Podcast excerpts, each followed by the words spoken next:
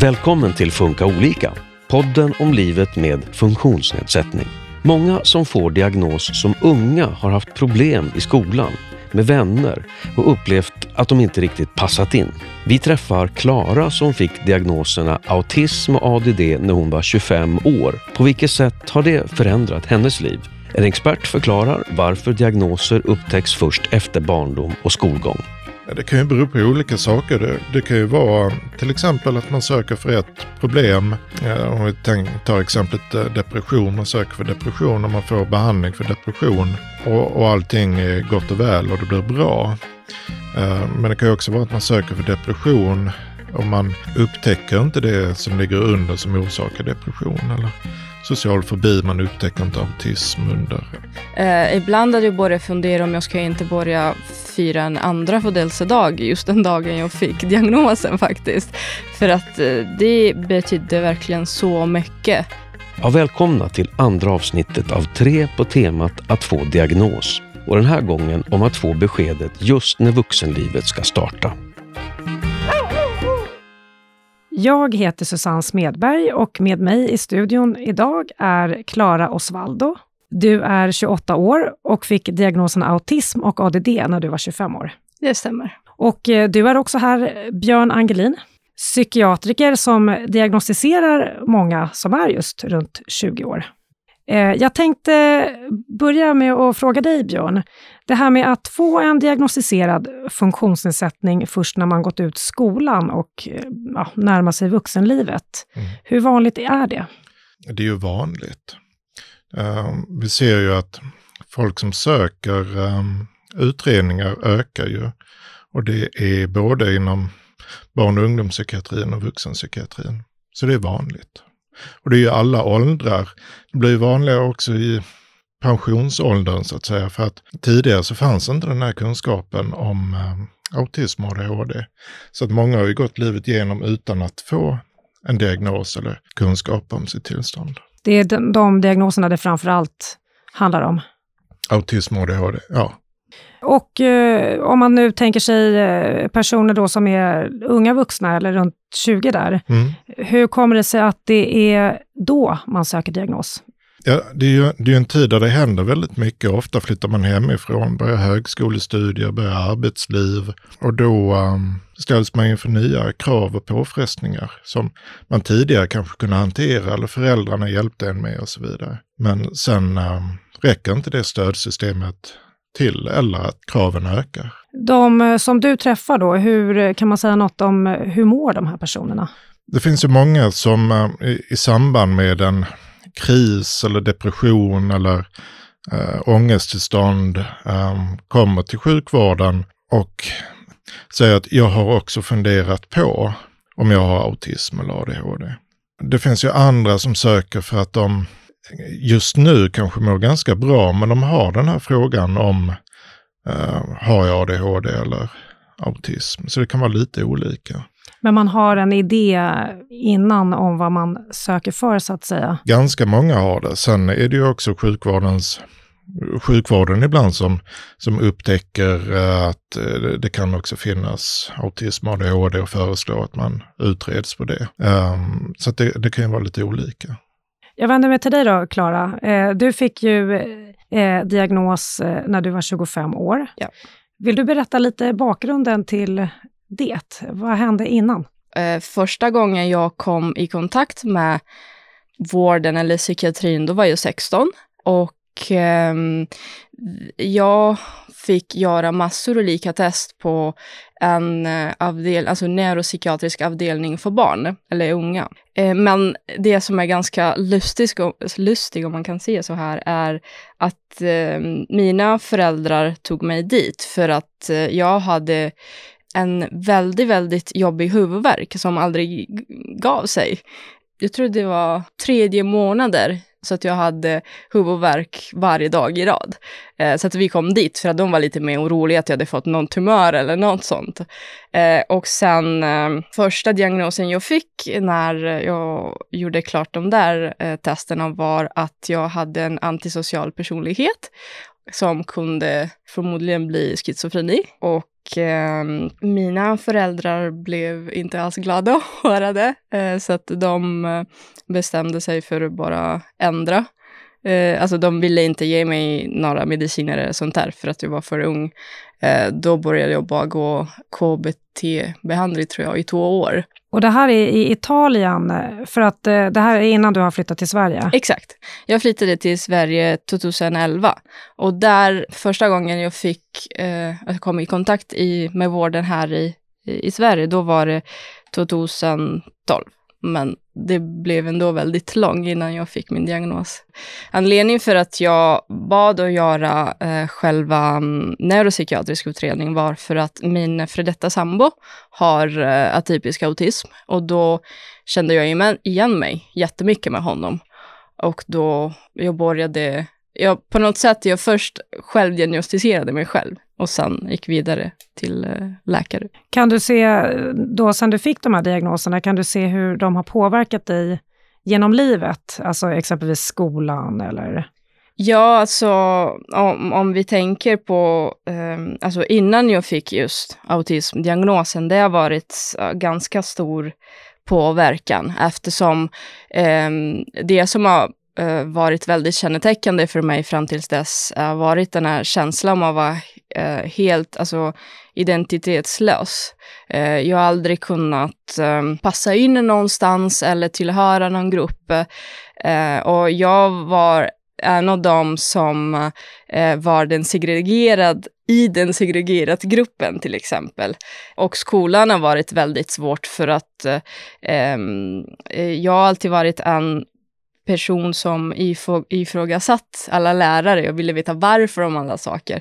Eh, jag har alltid varit eh, underkänd i matte till exempel, för att jag ville veta varför plus två var fyra. Eh, ingen kunde förklara för mig varför det. Björn, det här som Klara nämner, skolan och men även socialt då, att liksom lite outsider bland outsiders. Mm.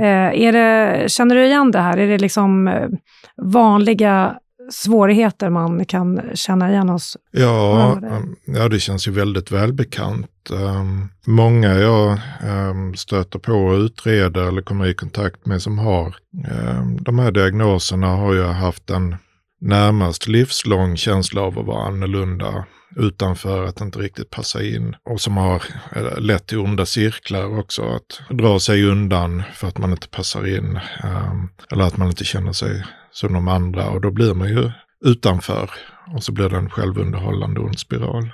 Så det, det känner jag verkligen igen. Och sen um, känner jag också igen att um, för fel diagnoser, att man har uppmärksammat att det finns problem men man har inte förstått vad det handlar om. Behandlingar som kanske i och för sig är rätt. Ehm, Klara beskrev KBT i två år. Det kan ju vara väldigt bra, men om man inte vet att det, vad man behandlar eller anpassar behandlingen till det så kan man ju riskera att inte få, man får inte de resultaten man önskar eller, eh, eller att det blir sämre. Kanske inte just med KBT, men det kan ju vara felaktiga medicineringar till exempel som inte leder någon vart. I Klaras fall så har, har ju, du var ju i kontakt med vården tidigare, man gjorde en utredning men det blev inte rätt diagnos. Hur klarar sig eh, de här personerna så länge innan man får diagnos? Det kan ju bero på olika saker. Det, det, kan ju vara till exempel att man söker för ett problem. Eh, om vi tar exemplet eh, depression, man söker för depression och man får behandling för depression och, och allting är gott och väl och det blir bra.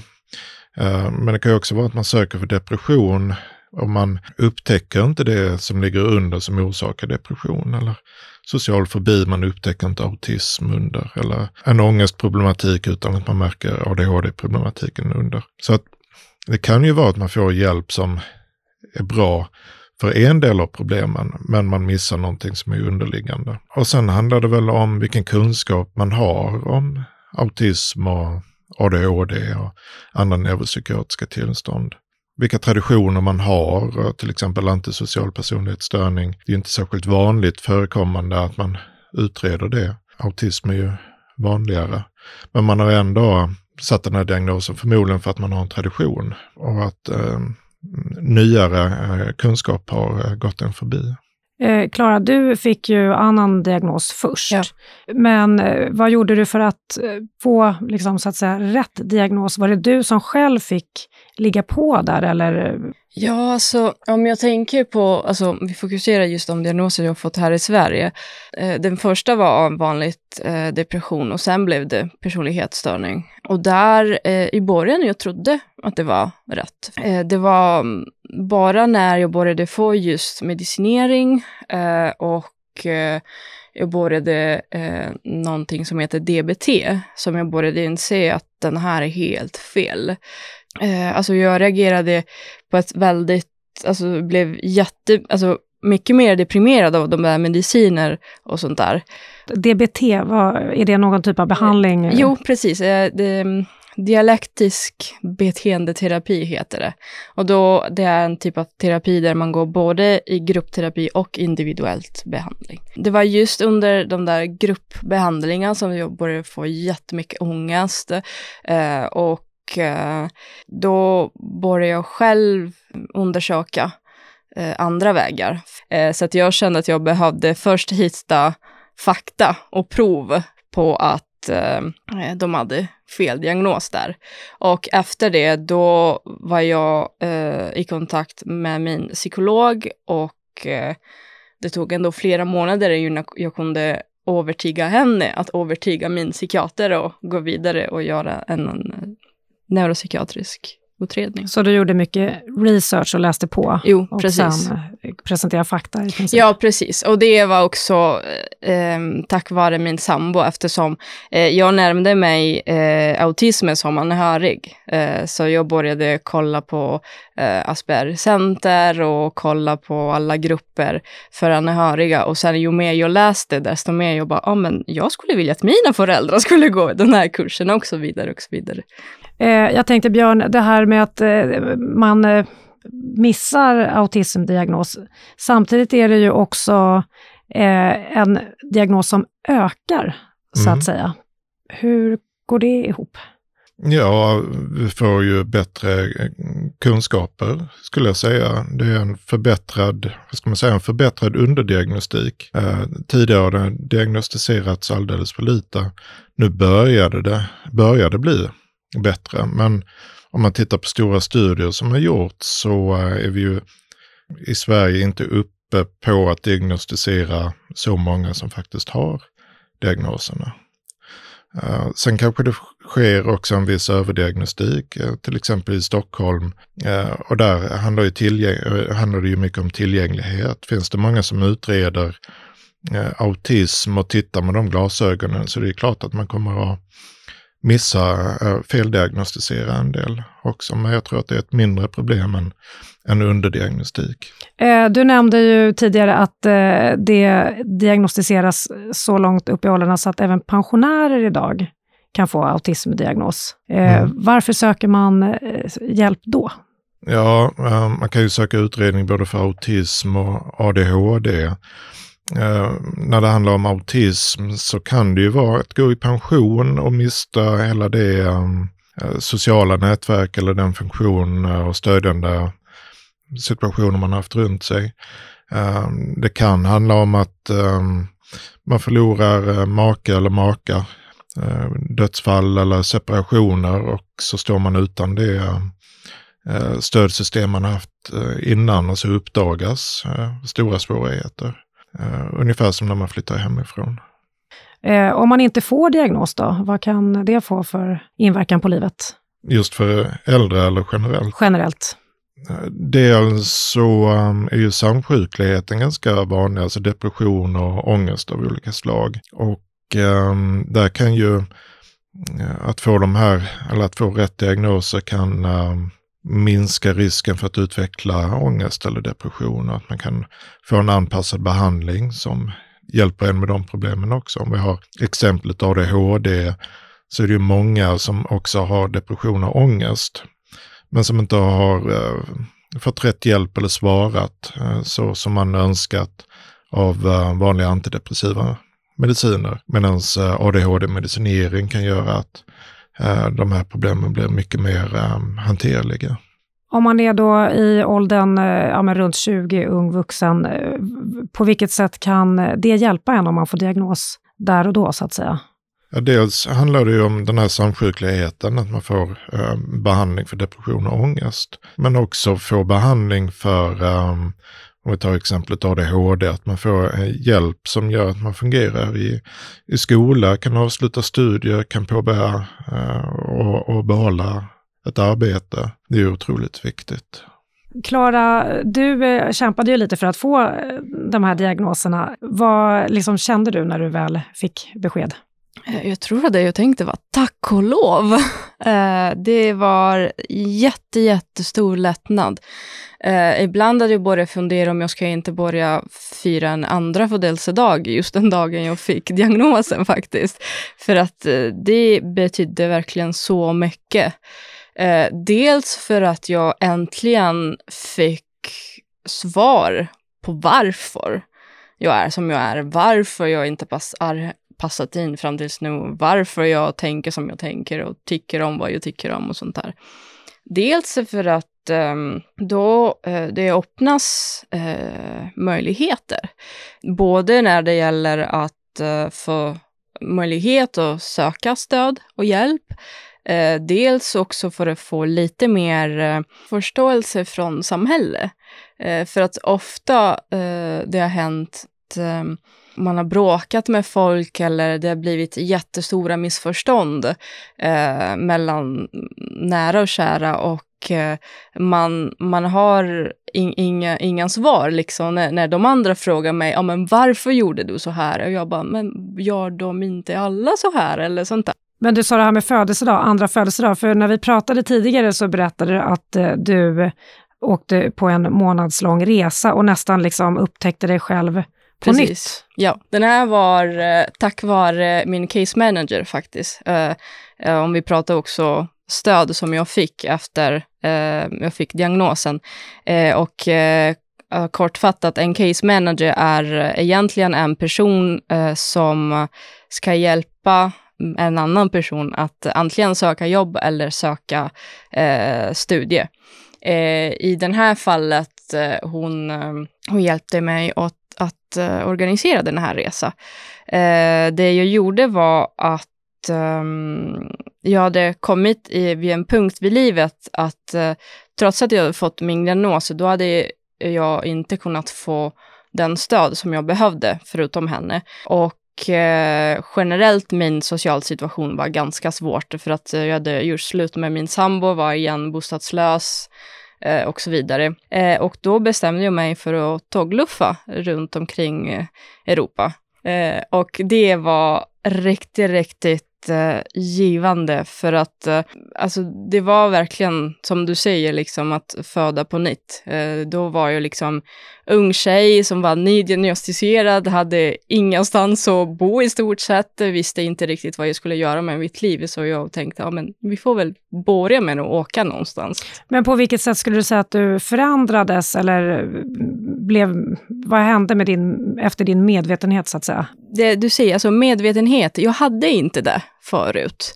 Och Eh, jag hade absolut ingen aning att jag kunde lyckas med något sånt. Alltså jag har varit en person som har varit väldigt orolig och väldigt osäker på det jag kan göra och inte kan göra och sånt där. Eh, men just att se att man kan lyckas, att, eh, att man har eh, rättigheter också. Det, det är liksom bara en sak som att ja, men jag, jag får faktiskt välja att stiga av på den här stationen, även om jag hade bestämt mig att jag skulle stiga av dit. Sånt där. Det var väldigt ovan för mig. Ja, för du sa det att du imiterade också olika umgängen och vänner. Precis. Och det här var första gången som du inte imiterade någon, utan kanske då... Exakt, precis. Alltså det är eh, just med att imitera och härma folk, det har varit något som jag började göra just eh, i skolan, när omkring jag tror det var mellanstadiet och sånt. Och eh, där, eh, när jag väl hade insett att eh, ja, jag är annorlunda, så det gäller bara att upp, utplåna mig själv helt och hållet, för att annars jag kommer aldrig att passa in någonstans. Och då började jag härma eh, olika grupper som fanns i skolan. Men jag, kunde inte förstå att eh, de andra personerna inte uppskattades att jag var så pass flexibel. Och eh, eh, då det blev problem där också, för att eh, då var jag en hycklare, eller liksom, hur kan du hänga med dem som är typ alternativa och sen dagen efter hänga med de coola tjejer och så vidare och så vidare. Så precis som du sa, under den här resan, då var jag själv. Då hade jag ingen att ärma. Hade jag, och liksom jag kunde bara spegla mig själv. Så det var en väldigt mycket introspektiv resa. Eh, och det var väldigt, väldigt skönt att eh, upptäcka att jag faktiskt är en väldigt eh, fin sällskap själv. Eh, jag tänker det här med att eh, man eh, känner sig annorlunda, man imiterar andra. Det låter väldigt ansträngande. Ja, det tycker jag också. Det låter jättejobbigt. Och det, ehm, man kan ju tänka att eh, många med autism eh, har ju den här förmågan att imitera, eh, förmåga att umgås i grupp mm, eller i, i sociala sammanhang.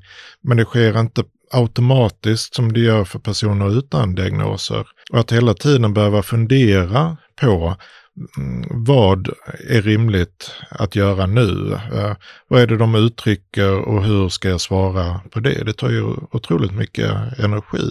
Och eh, det tror jag leder till ehm, depression och ångest och eh, framförallt väldigt mycket av utmattningssymptom som många med autism har.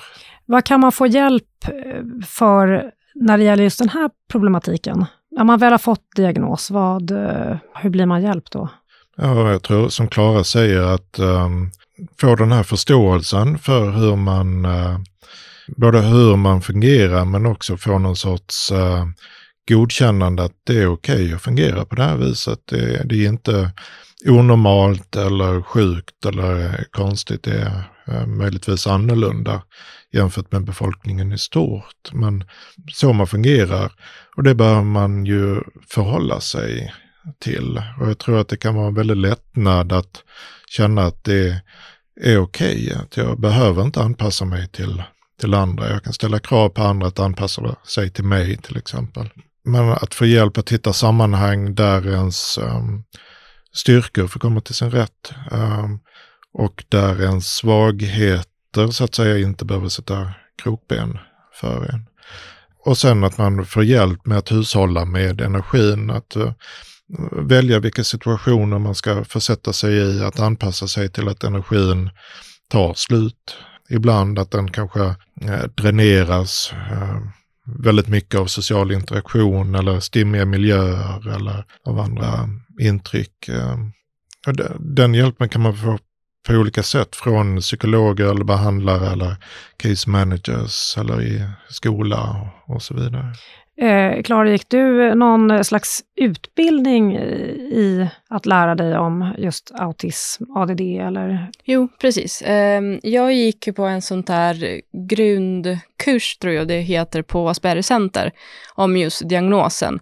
Och det är en kurs som erbjuds för nydiagnostiserade Eh, och eh, det som var väldigt roligt är att vi var alla väldigt vuxna där. Eh, när man väl har gått eh, första kursen, då kan erbjudas lite mer eh, specifika kurser om olika tema, till exempel relationer, eh, energi i vardagen, eh, stresshantering och så vidare. Och eh, det, när jag väl kom dit, då hade jag läst det, det mesta av grundkursen, alltså det, för mig det var en väldigt bra möjlighet eh, för att eh, faktiskt se att det finns andra. För att det är någonting som eh, var extremt viktigt för mig att faktiskt inse att trots att man har trott hela sitt liv att jag är ensam, jag är den enda som mår så här, det är ingen som förstår mig. Sen kommer man till ja, 26, 25, hur gammal jag var och sen bara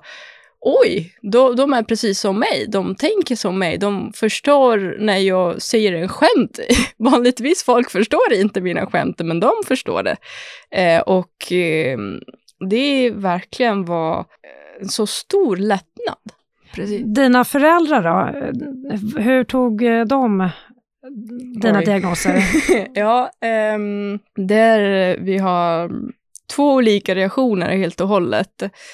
Jag tror att det var ganska, eftersom min autismdiagnos kom efter eh, eh, en personlighetsstörning-diagnos som hade kommit som en konsekvens att jag hamnade på sjukhuset. Eh, och eh, min mamma blev tvungen att flyga 20, 21 timmar för att komma och hämta mig.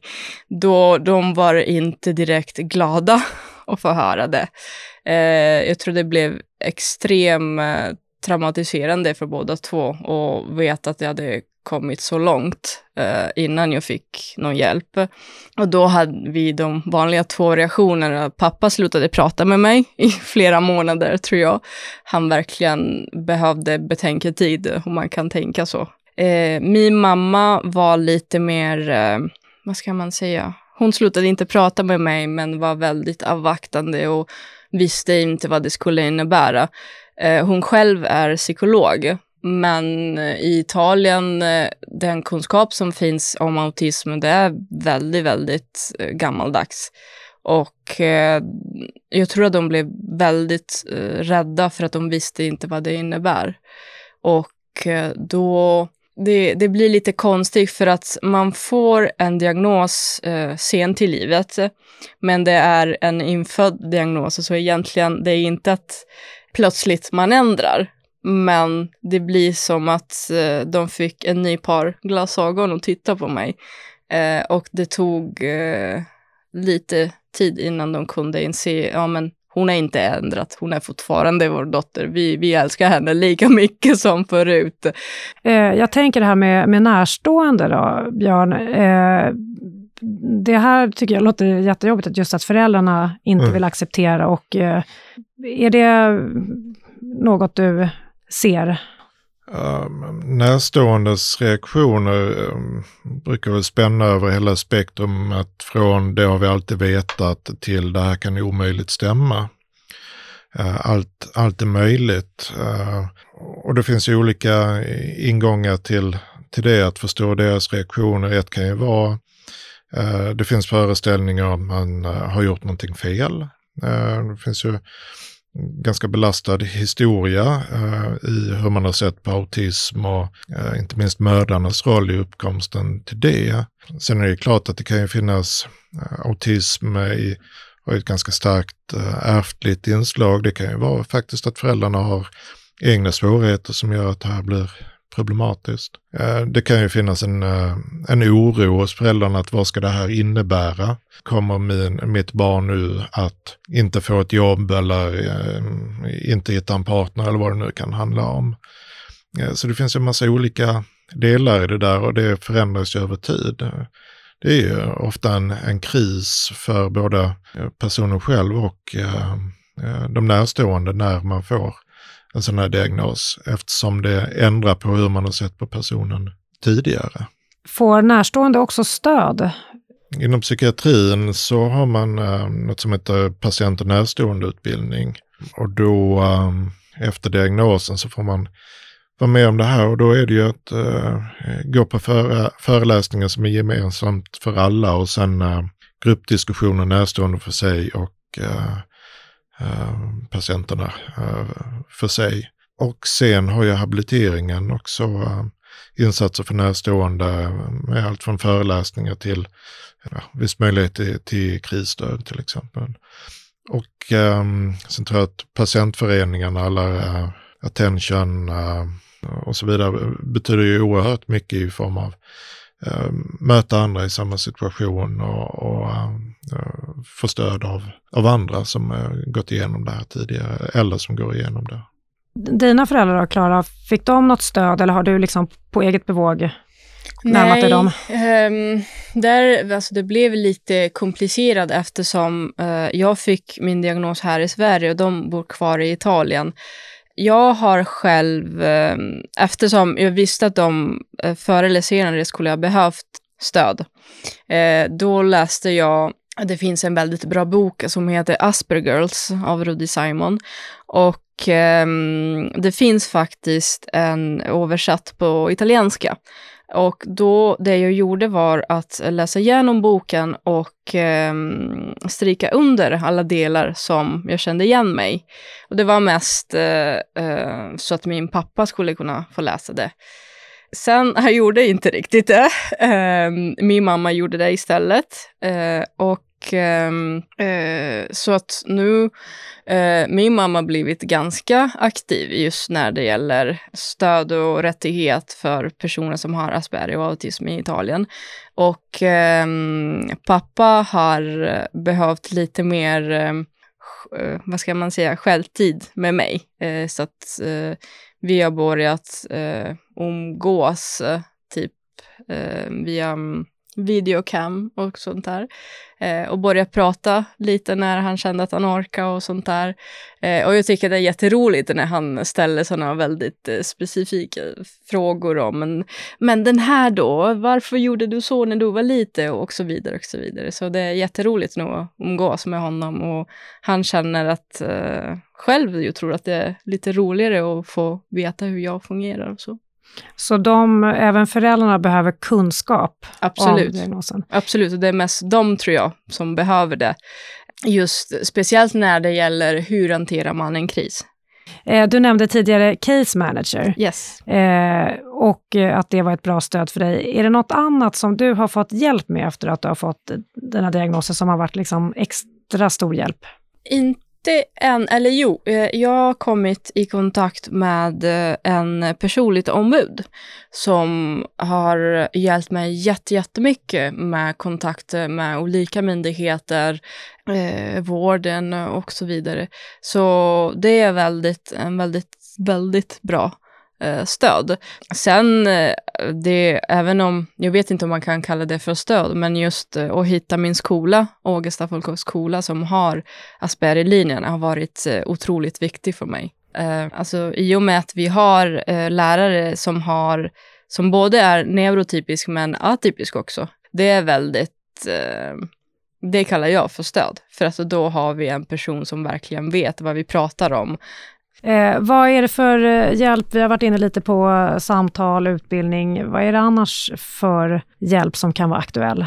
Mediciner, KBT eller annan eh, samtalsstöd, kuratorstöd, eh, de, eh, eh att ha myndighetskontakter, sånt här stöd som eh, personligt ombud som du sa, boendestöd, eh, hjälp med intyg gentemot till exempel Försäkringskassan, Arbetsförmedlingen för att få um, hjälp med anpassningar uh, när man ska söka arbete till exempel eller hitta ett anpassat arbete.